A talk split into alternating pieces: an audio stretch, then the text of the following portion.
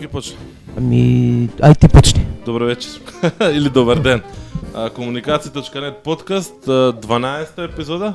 Најверојатно е 12. Стално вака ги сгрешив. Една поназад сме стално. Не, не бе 12 сме тоа. Втора сезона, 12-та епизода. А, Дарко и Мите со вас денеска во Радио МОВ и на Комуникација.нет кога ќе посакате. А, були тука не буни пак нешто со техниката, меѓутоа се е окей. А, пак трчавме за да стигнеме во радио за да одиме во живо. И јас гледав ефес, а надолу ефес и партизан, затоа едва стаса А во, во студио. долу ефес, дали гледаше Вардар и, и Годел тоа? Гледав, беше гледав, гледав, гледав, гледав, да. Го гледав и тоа.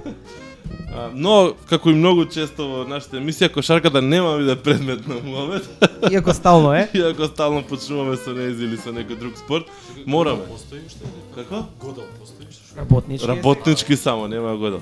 И еве го се најави еден од нашите двајца гости, значи имаме двајца гости, нормално први ќе одиме со да ја представиме дамата, односно станува збор за Љубица Арсова, Не, Дим- не, грешка, грешка. Љубица Гроздановска Димишковска. Гроздановска Демишковска. Супер. Или ние како што викаме Бубе Да. и а, ајде сега ми се блокирам. Вториот гостин е Вториот гостин е Јовица Арсовска. Љубица Арсовска за Бубе. Не, Љубица Арсовска бубе, Абе тук сега ми кажа па за е. Душко Арсовски. Душко Арсовски. А, причината зашто се тие вечер, односно денеска со нас во оваа епизода е diversitymedia.mk. А, ние знаеме ептен многу малку за а, овој сајт и за овој проект и а, без никакво загревање, без никакви дополнителни а, при, при, под, припреми за емисија, ги викнавме нив двајца за да буквално од прва ни раскажат што се стои за оваа приказка, што се имаат во план да прават и што веќе направиле до сега. Е па, а вака, двајцата сте новинари по професија, знаете како да се однесувате на медиум, така да Бујрум представете се на кратко кој сте, што сте и зашто сте тука. за представувањето задолжен е Душко, јас за малце Напишано тоа. така се така за се договаравме пред да доеме во емисија. Да. Ајде ми те, пошто не ќе да се представат, ние да ги представиме со наши зборови. не, се шалам, повелитичко. А, Значи, сега ви интересира лично кои сме, што сме или... Па може и лично, мислам, да, може и лично, па после ќе правиме моето Добро. задружението сега. Значи, да, новинари сите стојат позади овој проект Diversity Media. Јас некои 14-15 години радио новинарство, телевизиско новинарство, вести, емисии, не знам, вестник и пак на радио. Последното беше BBC и овој најнов проект кој што го работиме веќе од јуни, а официјално почна пред месец дена, е нешто спој меѓу а, интернет во функција на на радио. Така така би го нарекле, Супер. затоа што работиме анализи, ќе зборуваме вајде малку повеќе Да, да, во детали, анализи кои што си имаат своја аудио верзија, значи не е иста како тоа што е текстуалната верзија, а, кои што ние ги нарекуваме пакети, малку подолги и ги емитуваат наши локални радио партнери низ Македонија, меѓу кои и МОВ. Да. Супер.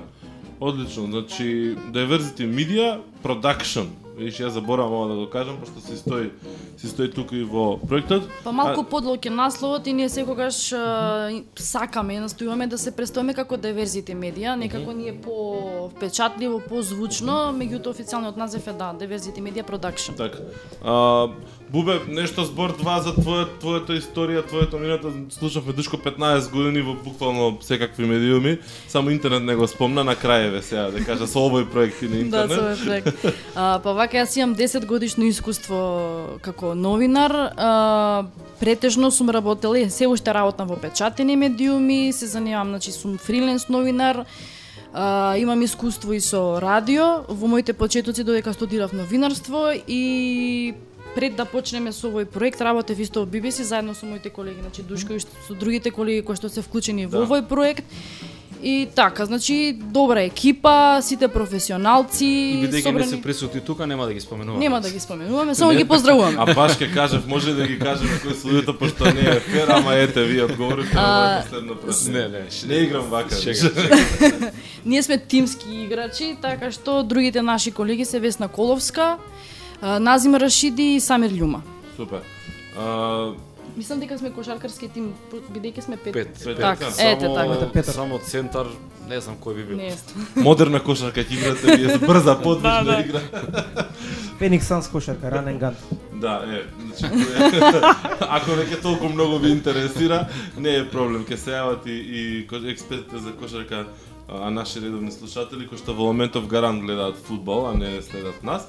Но а, добро, значи а, ова е некаква след... се гледате себе си во својата новинарска професија како ова е некој следен чекор во тоа што го правите, нова фаза од она што го работите или логично продолжување, како му доаѓа тоа? Значи се откажувате од новинарство, па преминувате во еден ваков модел на, на работа или Јас го викам тоа предизвик. Значи, како сакате крстете го, се е некаква форма на новинарство. Значи, а, обично кога човек работи на телевизија како ја едно 5-6 години, малку е чудно да се занимаваш со некоја некој медиум кој што е поанонимен во некој во некоја рака, како радиото да речеме. Тако беше случајот со мене премино телевизија на BBC радио и за многу мина чудно затоа што радиото е не толку влијателен медиум. Иако BBC е врв на новинарството, кај нас малку на друг начин се сваќаат работите.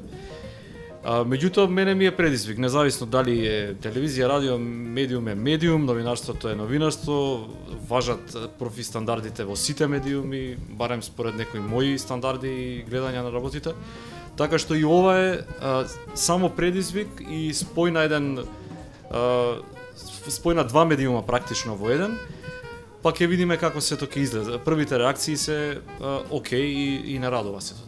Не знам, Јас дали сакам се да- сложуваш, да. ако не, Не, не, не, ако не се сложуваш. Не, не, не, јас само само сакам да додам дека да, предизвик е точно, меѓутоа ние исто сакаме да бидеме чекор напред во однос на македонското новинарство и трендовите стандардите тука што се и на некој начин да ги следиме светските стандарди или стандардите, трендовите што се случуваат во во Европа. Значи некоја тенденција од контакти што ги имам јас со со пријатели што се во Европа и во странство е дека овој тип на на известување или новинарство зема се поголем замав и многу ми е мило што ги комбинираме, мислам дека сме единствени на ретките во Македонија што комбинираме а, пет, печат, печатен медиум, односно благодарение на интернетот, имаме комбинираме печатен и, ра, и радио. Со тенденција понатаму да имаме и видео, нели? Ама тоа како ќе се развијат работите, ќе видиме.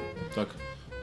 Вие сте луѓето кои што стојат зад содржината која што е произведена во рамките на овој про- проект или има поширок тим кој што придонесува околу околу не знам новинарски истории и така натаму. Е, новинарските истории ги работиме тројца ние, Весна, Назим и јас. А, Бубе креативниот идеолог на на маркетинг на не знам што се, значи На на еден куп други работи, на- илустрации, така.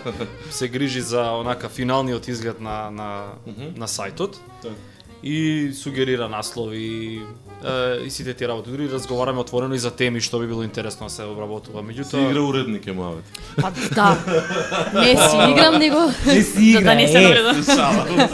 Да, да, да, си играм уредник. Е, па што ме така уреднички одговори. До одговори. Да разчистиме. Да. А, А, Одно што Извини, Мите, Продолжа. значи да да ти одговориме на прашањето, да, тимот кој што ги цел- целиот тим и авторите на текстовите, значи стојат зад текстовите и за тоа што е објавено и затоа ние инсистираме да да биде на многу професионално и ниво со високи новинарски стандарди. Значи нема еднострано или двострано, кај нас имаме повеќе страно информирање и многу внимаваме на тоа како е презентирано не само во аудио, него и во печатениот, да кажам, во објавените материјали на интернет. Значи не сакаме да да имаме бомбастични наслови, туку да имаме информативни со доза да привлечеме што поголема читателска публика и не само читателска, него и сите што го посетуваат сајтот, кој што е diversitymedia.mk, да не забораваме да го испромовираме, да ги слушнат и прилозите. Значи, да, тоа е за текстуалниот дел. Меѓутоа, од друга страна, аудио верзиите па се друга приказна, затоа што се внимава на гласови, на звуци, на она што е носечко во радиото. И се обидуваме тоа да го направиме слушливо, да атрактивно. Ако има време, може и да плейнеш некој од тие таму Да. прилозите, било Ќе пробаме после, да. било кој, чисто како илустрација да да видат да слушнат луѓето они што не чуле за што се работи. Оно што јас сакам да ве прашаме, пошто и двајцата спомнавте долгогодишно искуство, а, кој во печатен, кој во радио, кој во телевизија, а, ова е прв пат некако да бидете целосно посветени на онлайн а, медиум. Колку ви беше тешко да се префрлите од на пример Бубе знам дека работи долги години у печатен медиум, уште уште таму, Душко ти во во радио, колку е тешко да пренесете таа содржина и да се прилагодите на новиот канал за комуникација. Па имав јас еден преоден период, тоа беше BBC, значи последната година од функционирањето на BBC беше насочено прилично многу и на на интернет, значи се тоа што сега го правиме, го правевме и тогаш. А, со тоа што техничкиот дел оние сите работи ги правеа колегите во Лондон. Ние го подготвувавме текстуалниот дел, сугериравме нешто наслови, под наслови и се обидувавме нешто да правиме. Меѓутоа, аплодирањето и сите други работи го правеа во Лондон. Е сега тука сме оставени сами да го работиме тоа, иако е, Бубе го го носи најголемиот товар од тој технички дел. Меѓутоа не е нешто бог знае колку тешко, мислам. е, Секоја програма како што е ова нашата е, си има водич, значи како се сето тоа како се прави, многу едноставно Значи, да. и да, едноставно првите три пати ќе ќе читаш што е како е постапките како се работи сето тоа. Рецептот друго научиш за Да, после ќе ти легне тоа.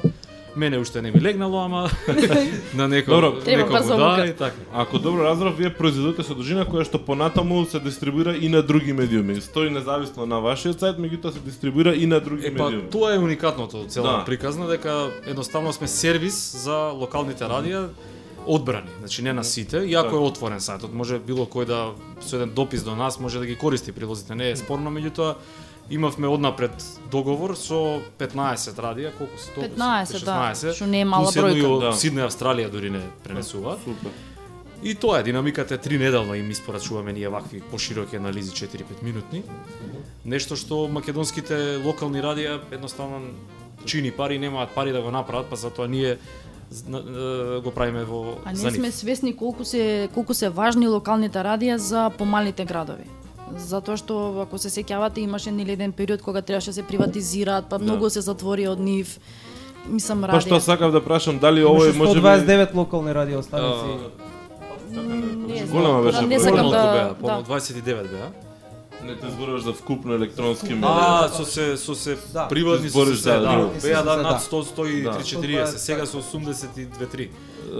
Баш баш тоа сакав паралелата да ја направам дека нели минатата година отприлика некаде беше кризна година за локалните радиостаници, за голем број радиостаници низ републиката. А, добар дел од нив не преживеа колку што бака јас малку од малку седам, меѓутоа колку ова значи значи дополнителна онака позитивна инекција за за тие радиостаници. Самите веќе сте во комуникација со нив, соработувате, произведувате содржина, тие ја емитуваат. Каква е повратната реакција таму? Има има коментари, фидбек на локално ниво, имате ли некакво искуство од тоа? Па ако ако може една илустрација за тоа дека сме на добар пат, тоа што ги разбудивме буквално многу од нашите партнери да размислуваат новинарски. Значи беа ориентирани на поевтина варијанта, што е разбирливо. Колачот маркетиншки е многу мал за радијата. Се собира телевизијата и нешто печатот. Многу малку од нив имаат и новинарски содржини, форми, значи интервјуа, не знам, повеќето се насочени на музика, говорни емисии и така. Вести Вести речиси на прсти се бројат радија што имаат вести локални, а тоа е многу битно, затоа што националните радија и телевизии се занимаваат многу повеќе со национални прашања. А, илустрација на тоа дека сме на добар пат е што веќе потикнавме идеи од самите радија, па сега ни доаѓаат со предлози ајде да правиме еден појас поширок дневен, да речеме од сат време, кој што би го преземале сите 15. Значи да не се ограничуваме на анализи, туку некоја подолга форма на емисии. Значи они тие веќе се почнуваат да размислуваат во таа насока што е супер, значи ова навистина им требало. И сега ќе видиме натаму како ќе се развива целата идеја и колку ќе успееме тоа да го задоволиме нивниот нивните потреби да ги задоволиме. Ама еве, ова како за почеток мисламе дека е сосема доволно, задоволни се, ги репризираат, некои ги прават како блок, како во емисија цела, едно по друго со прилози. Неколку пати ги репризираат, некои ги ставаат на нивните веб страници, барем оние што имаат радија.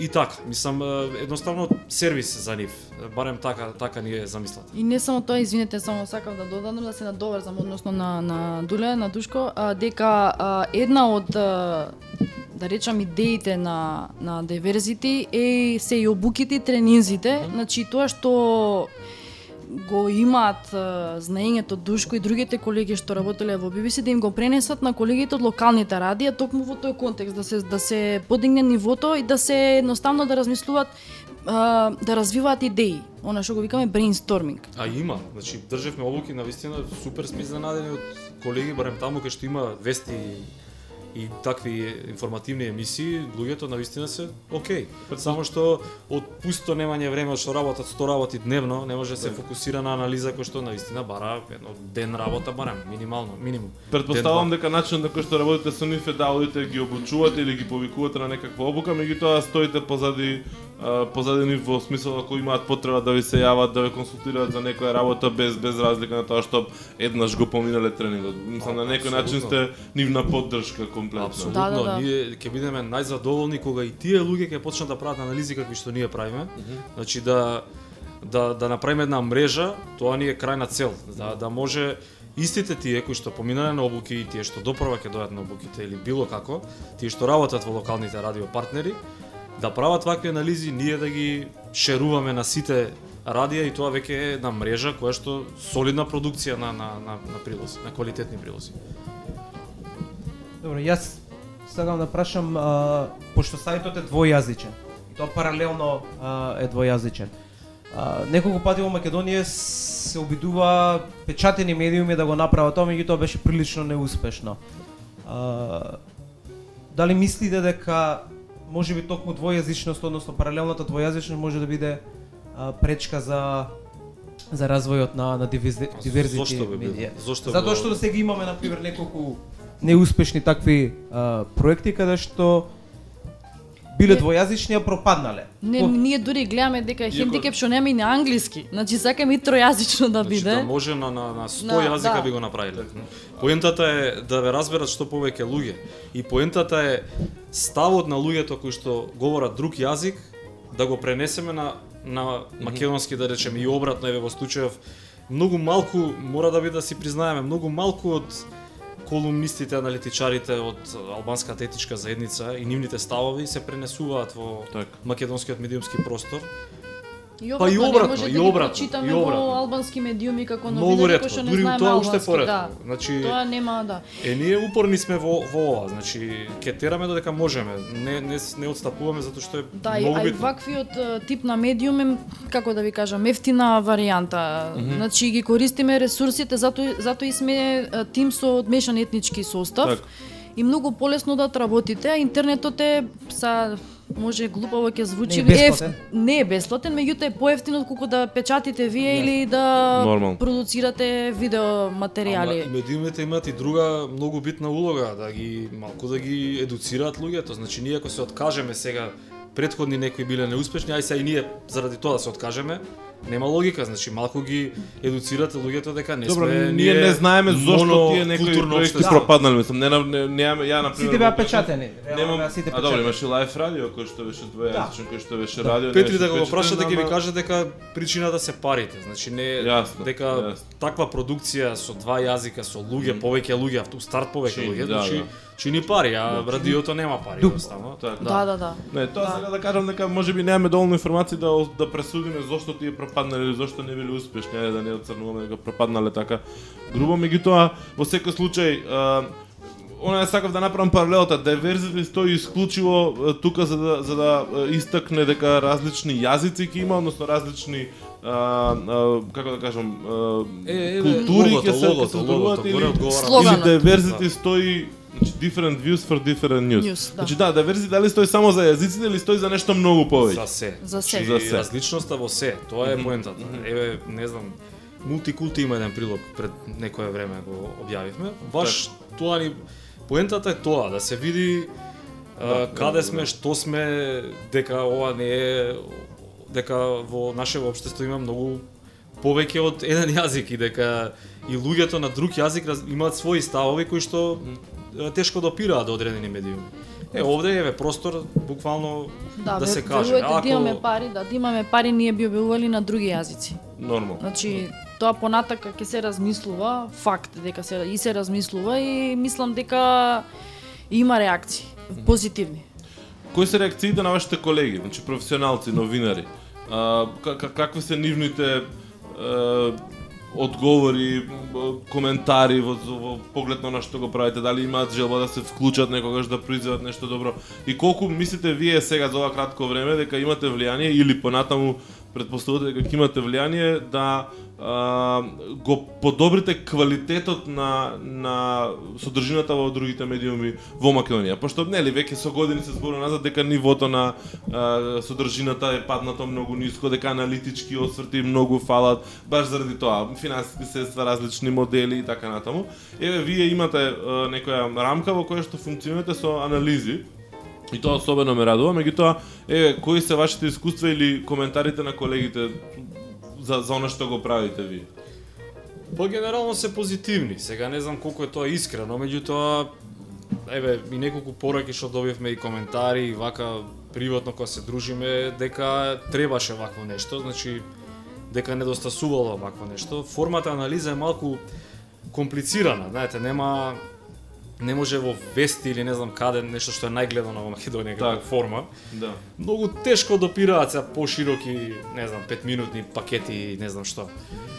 А, и тоа е многу идеално е тоа што го викате дека да да смени да промениме нешто, да да придонесеме да се сменат некои работи. Дај Боже ако биде така. Меѓутоа се уште е нов медиум, а се што е ново треба време, луѓето да се навикнат да слушнат за вас, да се навикнат да читаат анализи. Ние многу можеме слободно да кажеме дека е, публиката читателска, радио, телевизиска и секаква не знам колку радосно чита анализи и така или или слуша. Значи ќе треба и тоа малку повеќе да ги навикнуваме луѓето. Луѓето се навикнати малку на пократки форми. Да, а фидбекот што го добиваме од нашите читатели е дека е, требало ваков тип на медиум не толку за анализите и анализите ги почитуваат како форма, новинарски жанр, меѓутоа повеќе како Нашите анализи се а, со поинаков аспект, а, имаат новитети, а, се обработуваат различни моменти од некоја состојба и ба, ба, токму добиваме коментари дека требало вакви теми кои што до сега не биле покрени баш од тоа дневно новинарство. Така. Што не стигнуваат колегите да го обработат и са ние ги фаќаме тие моменти или под наводници слабости или интересни некои дури моменти и ги обработуваме. И, и затоа мислам дека и сме за ова кратко време имаме над 4000 посети на страницата што не е за подценување, значи Не, апсолутно. Мислам, добро, ја не го гледам примарниот успех на страницата и на оно што вие што го правите исклучиво само по бројот на посетеността на страницата, затоа што ми се чини дека е многу поважно онаа дистрибуција на содржина која што оди во локалните радија, која што е исто така исклучително важно. Мислам, Да. А. Во однос на тоа влијание и на некако ние да се наметнеме на на други конвенционални медиуми кај нас кои што се е, екстремно популарни. Овој медиум се уште има време да да изоди пат за да биде популарен. А, малку е тешко и со теми да се да се наметнете затоа што а, суетни се во секој случај и медиумите и новинарите, значи многу а, тешко прифаќаат некои работи. А, и дури тема некоја да отвориме нова, може да, со да не се налепат. беше, Како на Катар, со Катар, на да. пример, објавивме дека не знам а, знаете што беше Емирот дојде, Да, да. се дигна джева, 500.000 долари инвестиции, ти реков ми рече помина месец и пол ништо нема. нормално. И скопавме датум, си дале задача кога бил Емирот дека на 4 декември ќе одат во Катар наши луѓе со проекти и готово, парите ќе дојдат. Праша еден, праша знаеле. друг, праша трет, појма немаат. Координаторот на сите тие врска нема, ми одговори со порака, не сум запознаен дека треба да се оди у Катар. И сега тоа е стварно вест, мислам, никој се дигна галама, се направи една еден филм, кој знае што ќе биде овде, Дизниленд и на крај ништо нема од тоа. Тоа го објавивме така, меѓутоа не предизвика во медиумите некое Исто имавме тема за е да, за работници дека земале кредити за своите газди, за собствените газди и морале работниците да ги враќаат. Ова е уште Тоа е уште так. по-народска да и по-страшна. Да. Добро, ај се се префрламе на темата медиумите во Македонија. А, сте биле таму, таму сте, делумно, нели, работите, имате непосредна, непосредна комуникација со нив. А, зошто е тоа така? Значи, да зошто не ја фателе оваа тема со, со е, Катарот од Демир? Еве ви кажувам, Катар? еве ви кажувам, или или од незнаење, може некој не не знае, не знам, се, на, можам само да нагаѓам. Или од суета, значи X пати сме биле сведоци дека еден медиум ќе објави нешто, другиот нема да го објави тоа за жива глава затоа што овој прв го објавил. Така. Едноставно не се налепува на таа таа тема иако темата е боли глава. Значи чисто од суетни причини. Затоа што до некаде може и би разбирливо, затоа што сите се некаква битка за да бидат први, Први, во, во да. нешто и сега е, ретко некоја друга телевизија се, на- да се налепи на тоа, да признае дека била втора.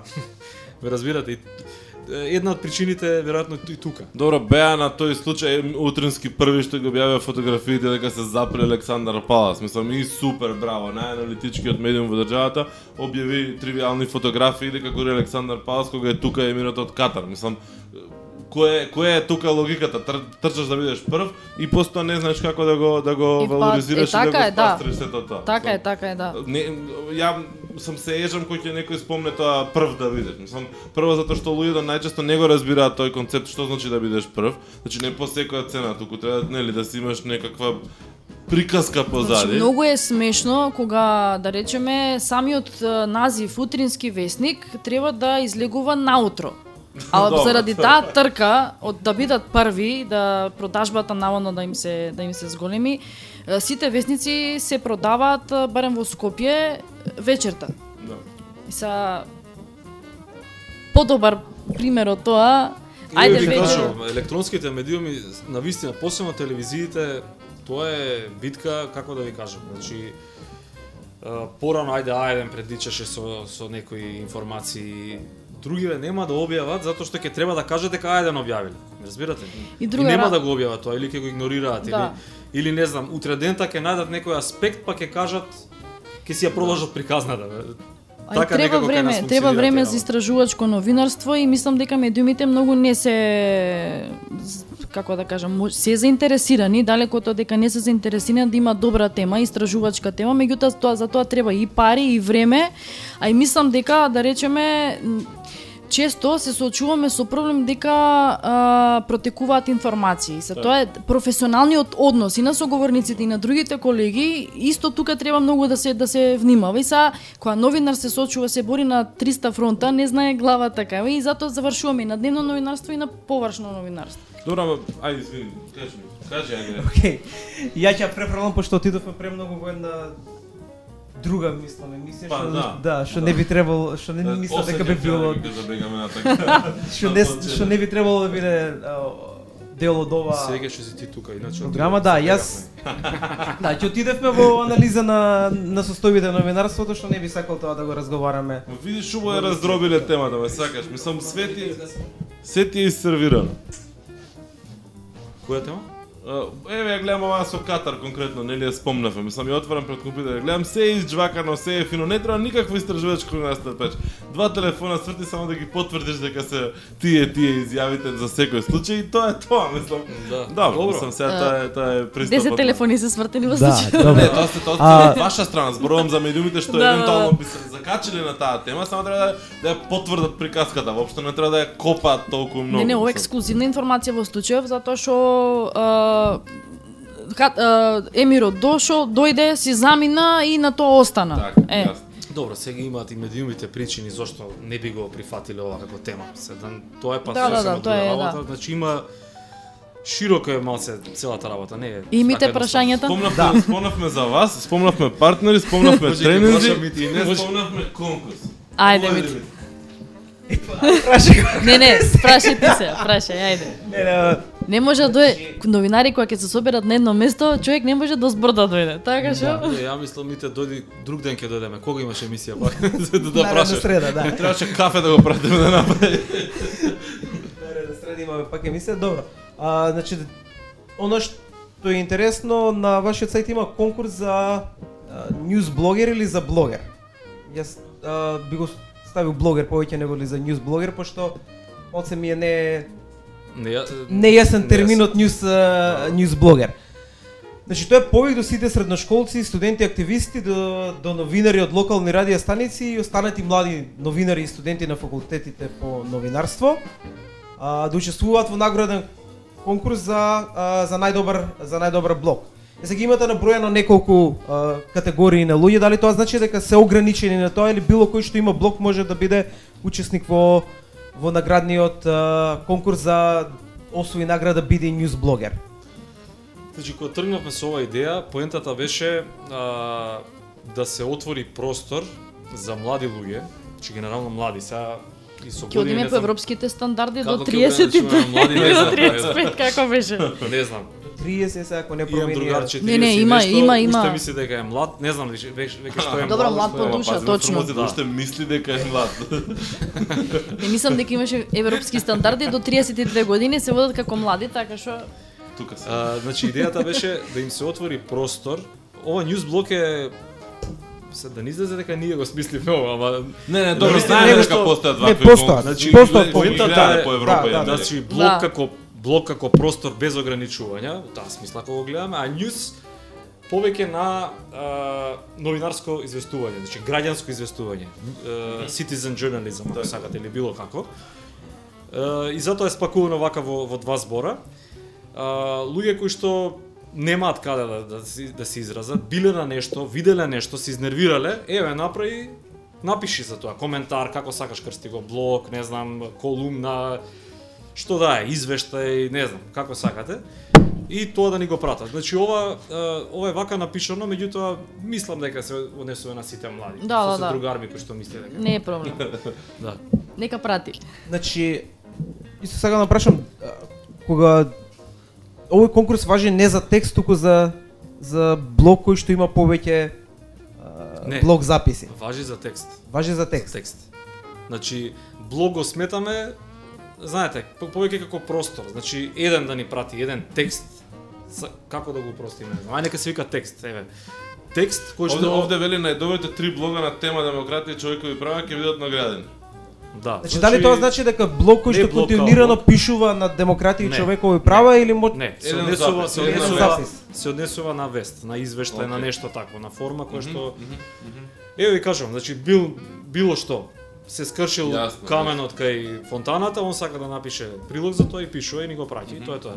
А најдобрите се во смисла на на израз, на стил, ме разбирате, да не На тема, може некакво- нешто што да, сме така. го пропуштиле Да. ние како професионалци, Да, да, да. а некој го забележал. Сам треба да се Дури- награди во секој случај. Дури сме, мислам, онака на, на, на, на ум да најдобрите да, ако има простори да се ангажира да работат нешто по-суштински новинарски прилози кај нас. Океј, а, добро, пошто ова ќе биде само текст, а нас како блогери би ни интересирало да видиме дали во иднина би а, би имале не, нешто сличен конкурс, меѓутоа кој што ќе адресира баш а, оваа форма на на блогирање кој што е континуирана, не само еден еден текст. Ние размислуваме понатака, се не знам тоа како ќе бидете, го го го готвиме што се вика, го крчкаме да си има а, посебен дел на сајтот, на интернет страницата на Diversity, посебен дел а, за блогови. Каде што би го изразувале нашето мислење во кратки коментари, меѓутоа да има и други луѓе, да речеме како вас, како други блогери кои што би сакале да напишат нешто, би им дале ние простор, значи да си има посебен дел, затоа што мислам дека тоа пак пак ќе се навратам на трендовите во Европа и во во светот и во Америка. Посебно дека е, едни од најврните, најдобрите новинари во Америка барем е, функционираат преку преку блогот и се едни од најпосетените, најпопуларните. Така што да не комплицира многу, ќе има посебен дел за блогови. Значи како еден уште- вид Уште коментари. еднаш да, да, да го упростам. Е, еден куп млади луѓе во Македонија го користат Facebook за да кажат свој став. Значи имате можете да прочитате толкави текстишта таму, писма до не знам каде, ова било, она било. Еве им простор, значи еве шанса од тие писанија да избереме три најдобри. Еве така ка- така да го Не, не, во ред, да мислам, гледаме. не, не е ништо сложено, со тоа што моето следно прашање би, би било а, дали ја следите локалната блог сцена Тоа сакав јас да ве прашам. и а, колку колку колку вие гледате развој или позитивни или негативни состојби на граѓанското новинарство во Македонија. Значи во текот на изминативе неколку години, мислам, како новинари кој е вашиот кој е вашето гледиште, значи што гледате вие на блоговите на Facebook, Twitter, кај и да е, значи кога кога зборуваме за граѓанско Социјалните мрежи. Општо, да.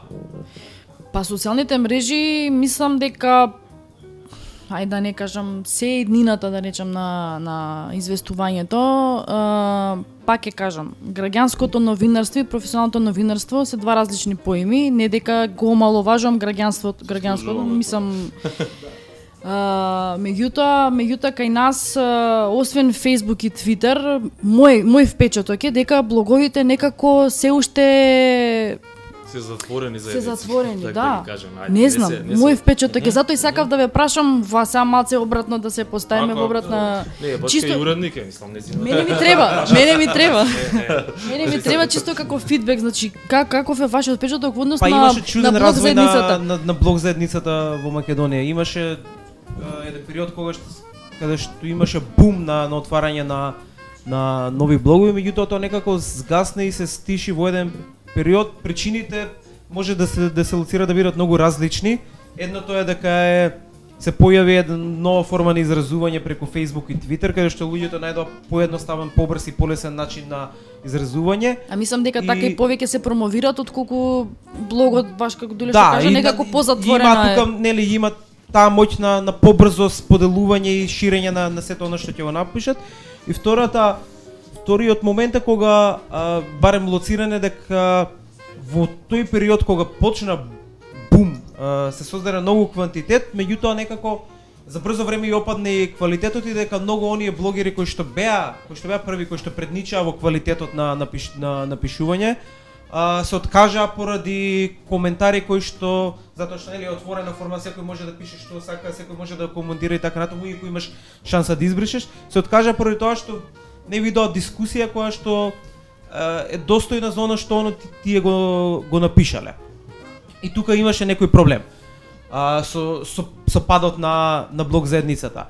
А, нешто што во, во последно време можеме да го видиме како, како тренд е, особено после а, случајот со Мартин Нешковски е дека многу од блогерите, барем за тој период се вратија повторно на, на блок и почнаа да пишуваат. И има нови. И, еден, и има нови некои и има еден нов тренд, односно луѓе кои што се а, доста на Твитер, па не може да, да искажат се во 140 карактера затоа што Твитер е а.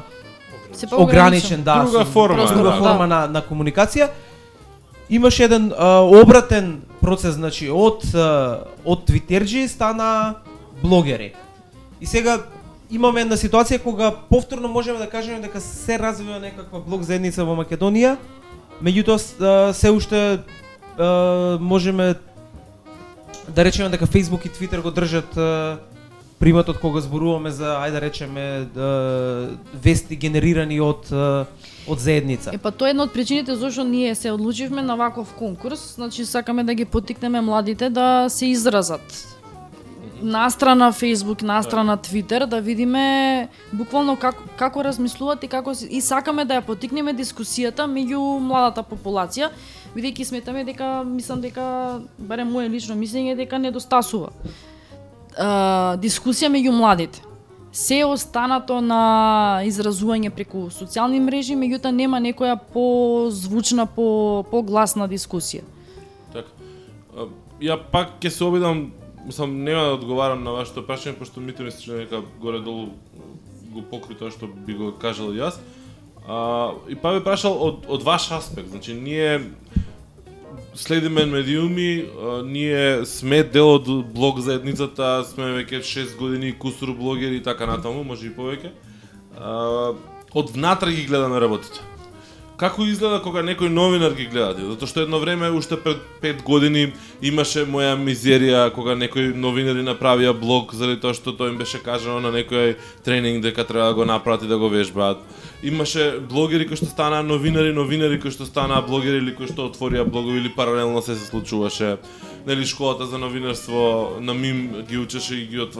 да мислам ги тераше да отвараат своите студенти блогови на времето под нив излегоа и некои добри блогери и така натаму. А, ка, како вие гледате таа приказка? Значи денеска нема премногу новинари блогери во Македонија. А, вие неколку пати спомнавте Европа, Америка и така натаму. Таму многу е честа практиката да еден новинар покри тоа што работи во медиум да си има свој независен канал каде што можеби некоја друга тема, можеби на друг начин обработува некој теми. А, како е кај нас? Значи, еве, студенти, новинари, луѓе од медиуми ги комуницирате, гледате, како вие го гледате тоа? Значи, ако работи како новинар и и е активен во блог заедницата, веројатно му е дупла работа. така, така си така си го гледа новинарот за тоа. Значи, Зборуваме за локално или за, задача- за, за, за глобално? Не, еве кај за кај нас. Локално. Предпоставувам, еве, предпоставка дека аха. Тоа би му била втора работа која што не му е платена. Освен онака од некои своји лични причини да си го каже ставот и не знам изнервиран од некоја појава, па да, го- да го напише. Значи покрај тоа што го денеска го делкал во вестник на телевизија на радио, он ќе треба да седне и сега уште една анализа дополнета да прави за блок заедницата. Тоа е втора втора обврска денеска. Новинарите во принцип се и помалку мрзливи кај нас, значи мора да си признаеме и за на еден куп примери може да да дискутираме дека да го докажеме тоа. Така што едно една би била тоа таа причина. Втора е што а, реков ти сами заедница, значи тоа е ограничена ограничен простор. Значи не допира до до не знам широки народни маси. А, тоа е втора причина. Третата а, луѓето кај нас Можам да ти контрирам тука. Без ако, проблем. ќе ќе разговараме. Може, може. Е, Само праша уредничка дали ќе пушти. Ќе се договори. А, И Под супервизија моја. добро. И ќе ми ги напишеш. Ќе ти ги бидејќи ограничен просторот веројатно не е ни атрактивен за толку многу за да допре до не знам поширока публика. Кај нас не знам дали ќе се сложите, меѓутоа и и нема навика едноставно кај граѓанството генерално да да се следат блогови, да се читаат блогови и така натаму. Многу повеќе се впиваат, зборам за обични луѓе кои што се приличен голем процент во Македонија. Повеќе информации сакаат да примаат од е, поконвенционалните медиуми, не знам, од вести, од ова, телевизија, од такви работи. Дури и вестници многу паѓа, знаете дека и, и тоа не се чита. Се оди некако на кај што на поевтино па и на поедноставна некоја некој начин да се да се чуе, да се види нешто. Мислам, и- има неколку работи, барем јас јас така гледам на работите, зошто е тоа така. Јас мислам уште еден аспект, размислувам сега во моментов баш а, новинарите посебно тие што се што работат во телевизија и печатините заради ко- коментарите сликички што се појават од време на време, се повеќе на удар не само на јавноста, него и, и на институциите. И сега а, коментарот како коментар или прилог како прилог нормално поминува покрај а, контрола на уредникот на денот или главниот и одговорен без разлика. А, не само новината што се автоцензурира во текот на својата тековна работа, меѓутоа ако има, сад ова е мое мислење, пред, не знам, предпоставувам, ако има блог каде што би го искажал своето мислење, че може да се случи да биде намета на собствената редакција, да каже ова е твојот став личен или да се оградат ова не е став на редакцијата, а во исто време да биде намета и на да речам институциите или некоја конкретна јавна личност во текстот објавен на блогот. И заради тоа, заради таа јавна функција што имаат новинарите, мислам дека барем во Македонија се повеќе на удар во однос на, на казните кои што следуваат ради навреди, клевети, и на крајот на криштата коментарот или блогот, објавувањето на блог е соб, свој собствен личен став, меѓутоа кај нас многу често поинаку ги толкуваат тие работи. И уште еден само како пример е, на за мојата теза дека е, зашто новинарите не се толку активни од блог заедницата, а одговорот е дека сакаат поширока публика, докасе на Facebook, да речеме, многу новинари си објавуваат еден куп работи таму. Значи зашто не го прават тоа на блог? Предпоставувам, моја предпоставка е дека многу повеќе ќе допрат до поголем број луѓе преку Facebook, затоа што знаете колку ги има во Македонија кои што се закачени на Facebook, споредено со тоа колку се во блог заедницата. Значи публиката е многу помала. Мислам дека една во- од главните и во причини е последно тоа. време дебатите на Facebook помеѓу новинарите не се ни за читање искрено да ви кажам, мислам срамота е да ги прочиташ некои коментари, камоли да ги коментираш. Ако новинарите се намета на своите а, у медиуми, значи на своите уре- уреднички куќи или редакции, ако се намета на другите институции и личности, А, зарем тоа исклучи, исклучиво само во Македонија така?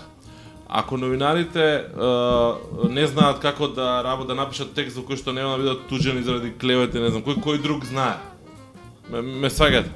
Значи, дел, дел од причините кои што ги се обидовте да ми ги дадете, мене не ми држат вода затоа што е, некако не, не ги гледам како вистински мотив. Факт, Facebook, публика, се е тоа окей, меѓутоа нема да нема да се обидам да да го да го објаснам тој дел. Знаеш како ми недостасува тој момент да ја препознаат мојките на собствениот на собствената можност да кажеш нешто.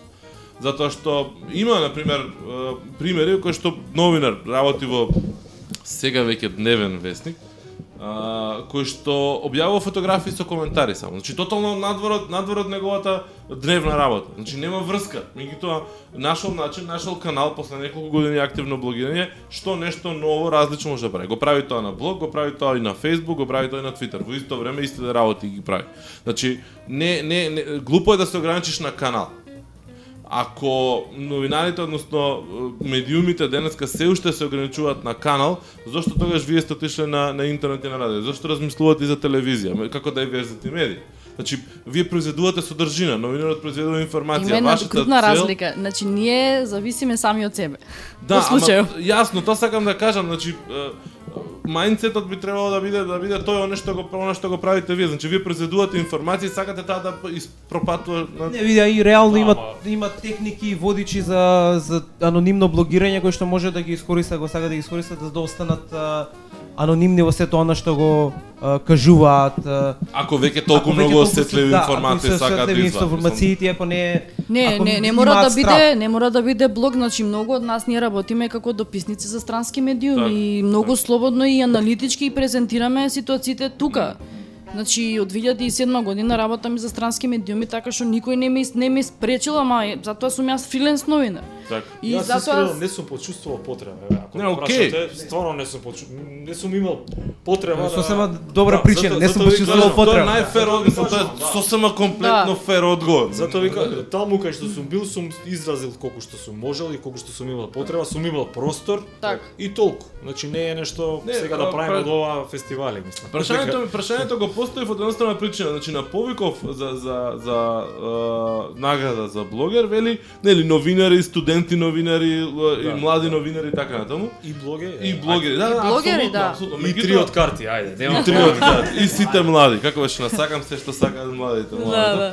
Не, а, приказката ми беше што буквално ја не гледам блогови на млади новинари или студенти новинари кои што се обидуваат да си направат едно едно, едно катче кој што е перфектно портфолио за тоа што они го знаат да го работат. Мислам, има по светов мал милион примери кога некои студенти или млади блог, млади блогери, студенти по новинарство си обезбедиле работа во некој сериозен медиум баш преку нивниот блог. Е па немаме, мислам дека немаме ние таква традиција и уште немаме таква свест. Барем мој впечаток е таков. Ја имав Значи, една мора друга да- паралела, имаме толку многу медиуми да сите што ќе завршат новинарство одма може да се најдат работа. А, не знам колку е точно ова. Не, работа Па- ќе најдеш, ама И работава е да не ти се враќаат нозе кога ќе идеш на работа. Да, инаку и не ти- мора да значи дека сите, Работа- да, не, и не само сите што имаат завршено новинарство работат Да, во тоа медиуми, е- тоа тоа е Темава да не е, да не е Да, да. жити и ја, Е, молим те, мислам. Не, не, нема свест се уште, точно, да. Значи, некогаш и само со добро напишано мотивацијско писмо може да се добие солидна работа. Так. Ама не кај нас. Так. Затоа што немаме ние таква пракса. Значи, а, кај нас а, сега во последниот период имаше конкурси за примање на нови новинари во медиуми. Предходно редкост беше преку конкурс новинар да биде вработен во, во, во медиум. На крајот на криштата ние немаме волонтирање кој што се одскочна таска за за вработување. Ако памтите, јас баш тоа го споменав, значи една од крајните цели ни е преку блогот да некој да си најде работа, мислам да го Да, да, јасно, мислам, ова го кажам Значи, само за да го Да, поттикнеме да, да, тој да, момент. Да, да, Да, еве, да, да. Еве, значи во во духот на тие, не знам, нови трендови што ги викаш ти цело време. Еве и ова, значи овој медиум Diversity Media обединува и тоа, еве и блог и радио и, и пишано и така. Сега бите да кажеш. Ајде, кажи. Држите трензи само за радио колку што што разбрав или за Не, не, трензи има за за секаков вид новинарство, и телевизиско и о- општи начела за новинарство од вест па натаму тоа што е како е. до радио новинарство, меѓутоа специјалност не е радио новинарство, бидејќи сите тоа тој медиум некако најмногу ни лежи на на сите. Не знам уредничка ти дали имаш. Да се ако не, не. Тренинзите ги држите на некаков е, редовен план, се или по потреба, се отворени, затворени. Значи, тие што беа за нашите локални партнери, Мгм. проектот кој што by the way е финан, кофинансиран од американската амбасада во Македонија. Ова by the way, добро ти легна со американска, да. Embassy. Не, али ко финансирано отвара уште едно прашање. А, делумно финансиран. Другиот ко? Тоа веќе А, и беа затворени, значи тоа ме прашавте, да. Беа затворени само за тие, меѓутоа отворени сме за сите други кои што ќе имаат желба да да учат и така, е пред некое време баш со МОФ офици работевме. Мгм, И Супер. ни беше супер искуство. Зависи од ситуација до ситуација.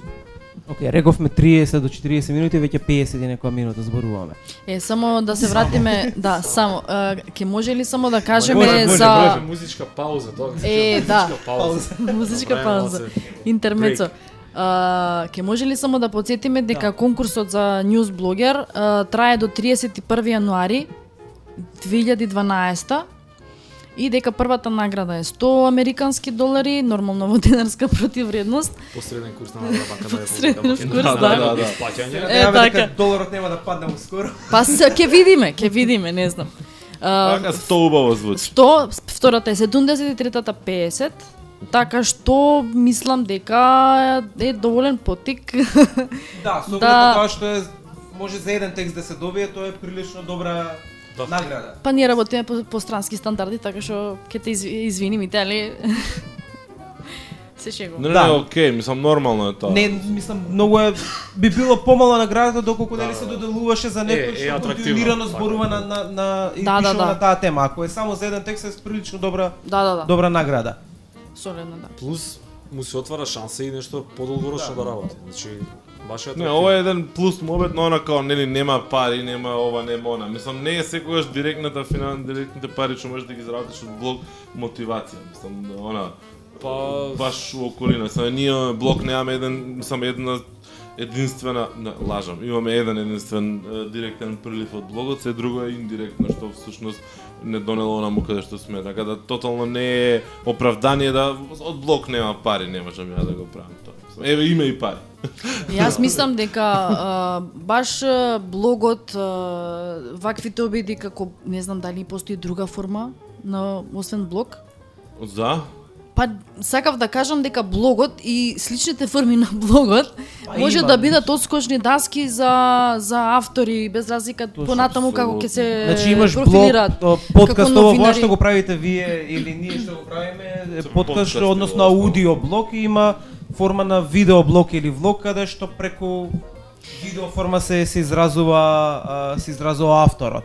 Да, Значи, ние, да, ние Па се дефинитивно три да. три медиума кои што можеме да ги сретнеме во традиционалните или конвенционални медиуми, печат, радио и, и телевизија, меѓутоа сега тука се прилагодени само на а, на Новите каналот технологии. Да, новите технологии и каналот на е, па, комуникација. Тоа сакав да кажам дека ние се трудиме да ги следиме тие нови технологии, развојот на технологиите, затоа што то, технологиите и новинарството се тесно поврзани. И мислам дека мулти мултимедијалноста понатака ќе биде еден од водечките медиуми и Добро, ово, креатори. на- сега е само запишено или може некој аудио форма да ви прати за ова е за за запишано? запишано, да. Ама интересен момент, аудио форма. Не, Ние е ќе конкурираме со подкаст. Е, не може. Ќе направиме еден специјален ќе направиме еден специјален подкаст кој ќе ќе покриеме некоја тема многу добра, со изјави со се и ќе конкурираме. Не, ова Не, не, добро. Добро е аудио запис. размислувале. Да, да, да. Размислувале, меѓутоа е Ке Мо, има куп идеи. Кој има кој имаше сега конкурс со со аудиозапис? Некој радио имаше МОВ што има, не МОВ ги предизвикува новинарите, традиционалисти, а Сити радио има конкурс да да да направиш нешто, да се снимиш и да им го пуштиш на у радио и да ти изберат нешто тој фазон. Не, не, не. Баш Добро. нека паралела сега ми текне. Добро, само што Милан е даде гол, мислам дека може да завршиме, така? Да, да, да. Милан дал гол. Ја уште нешто да кажам. Слободно, слободно. Многу добар чај, чајот ви беше топ и селотепот од кај ви е на микрофони. да се- овој да. Имаме фотографија, се е тоа забележано, ќе биде објавено од- утре на комуникаци.нет. Да, тој е, салотейп е од типот Иако може да ни пратите и да добјави на diversity.mk. Значи ние се што правиме е јавно. Ова иде во живо. Сега техничарот Були ќе ни го сними тоа у MP3 на Јас мислев не снимате за да Не, не, не, оди во живо. Не, одиме во Оди живо. во живо, на интернет, не, за среќа има фудбал, па не не слушаат премногу луѓе. Ама за тоа утре на Тоа тактички така го направивме за да ако направиме некоја глупост у емисија да не Не, не, ние ние Да си, кажеме дека си не- стоиме зад нашето така Е, се, се шалиме, да. Е, Тоа како знаеме, тоа несреќно ја и Дарко ги бираме да. термините така да кога нешто сакаме да направиме, сигурно нешто поинтересно од нас се случува. Не, треба треба знаеш што едно джингле онака пип голко ќе падне негде и само додека правиме муавет. знаеш? Имавме, имавме една таква епизода. има гол. Имавме една таква И да свртат на Не, на Твитер ги обично им викаме на луѓето да ни кажат како оди резултатот, па онако на спортско радио се угасувам јас понекогаш. Да, има, имавме. Зависи од гостите. Зависи од гостите, да. Ви благодариме уште еднаш. Ви благодариме вам. До некоја следна прилика, до некој следен конкурс или можеби со победниците уште еднаш ќе се ќе се чуеме, видиме, снимиме или слично. Јас се надам дека Diversity медија ќе стане на вистина ептен Diversity, па ќе можеме да видиме што Каже, да, меинстрим, ама Не, ќе не може мора да стане Не мора да стане меинстрим, нека биде овие алтернативни, многу слушани а, медиуми Чул- или чулте, или, или или а, читани. А, сака да кажам во однос на Diversity дека а, ќе видиме како што каже и Бубе и видео содржини или о, она што а, може би е нешто а, многу интересно Патам вие двајца дека вие зборувате тука Diversity Media Twitter акаунтот твитна може и аудио во секој случај само да се однесува на посветената тема. Така да вие одлучени или не, некој Не ви го кажа. Ова сами нешто ми Ва сами ре, сами. Да, да, да. Океј, значи мултимедија го, го чекаме диверзите да да покри текст и аудио, стане и Здравје Боже, видео и графика. да трае, па сега како што ќе додаваме, ќе одземаме на, на во проектот, ќе видиме. Мислам, идеи има милион и се надевам ова гостување нема да се свати како ургенција да добиете некоја награда ако пратите нешто на ньюс. За тоа ќе разговараме Јас тоа после. накнадно ќе да- разговараме. оф. Некако наградиве мали ми се. Долари, мислам да беа некои други фунти. Швајцарски франци, Ја не знам кој е курсот на Е, швајцарски не знам, може да провериш на Народна банка, да. И тука е близко до одјавуваме евро. Не, ќе ова се идеја да ставиме на лик таму за Е, курс да, на да, да. Дневно да се врти таму колку е како промена. Да. Були не вика да да, да сечеме, повели Були сечи не пријатно се слушаме наредна среда. Поздрав.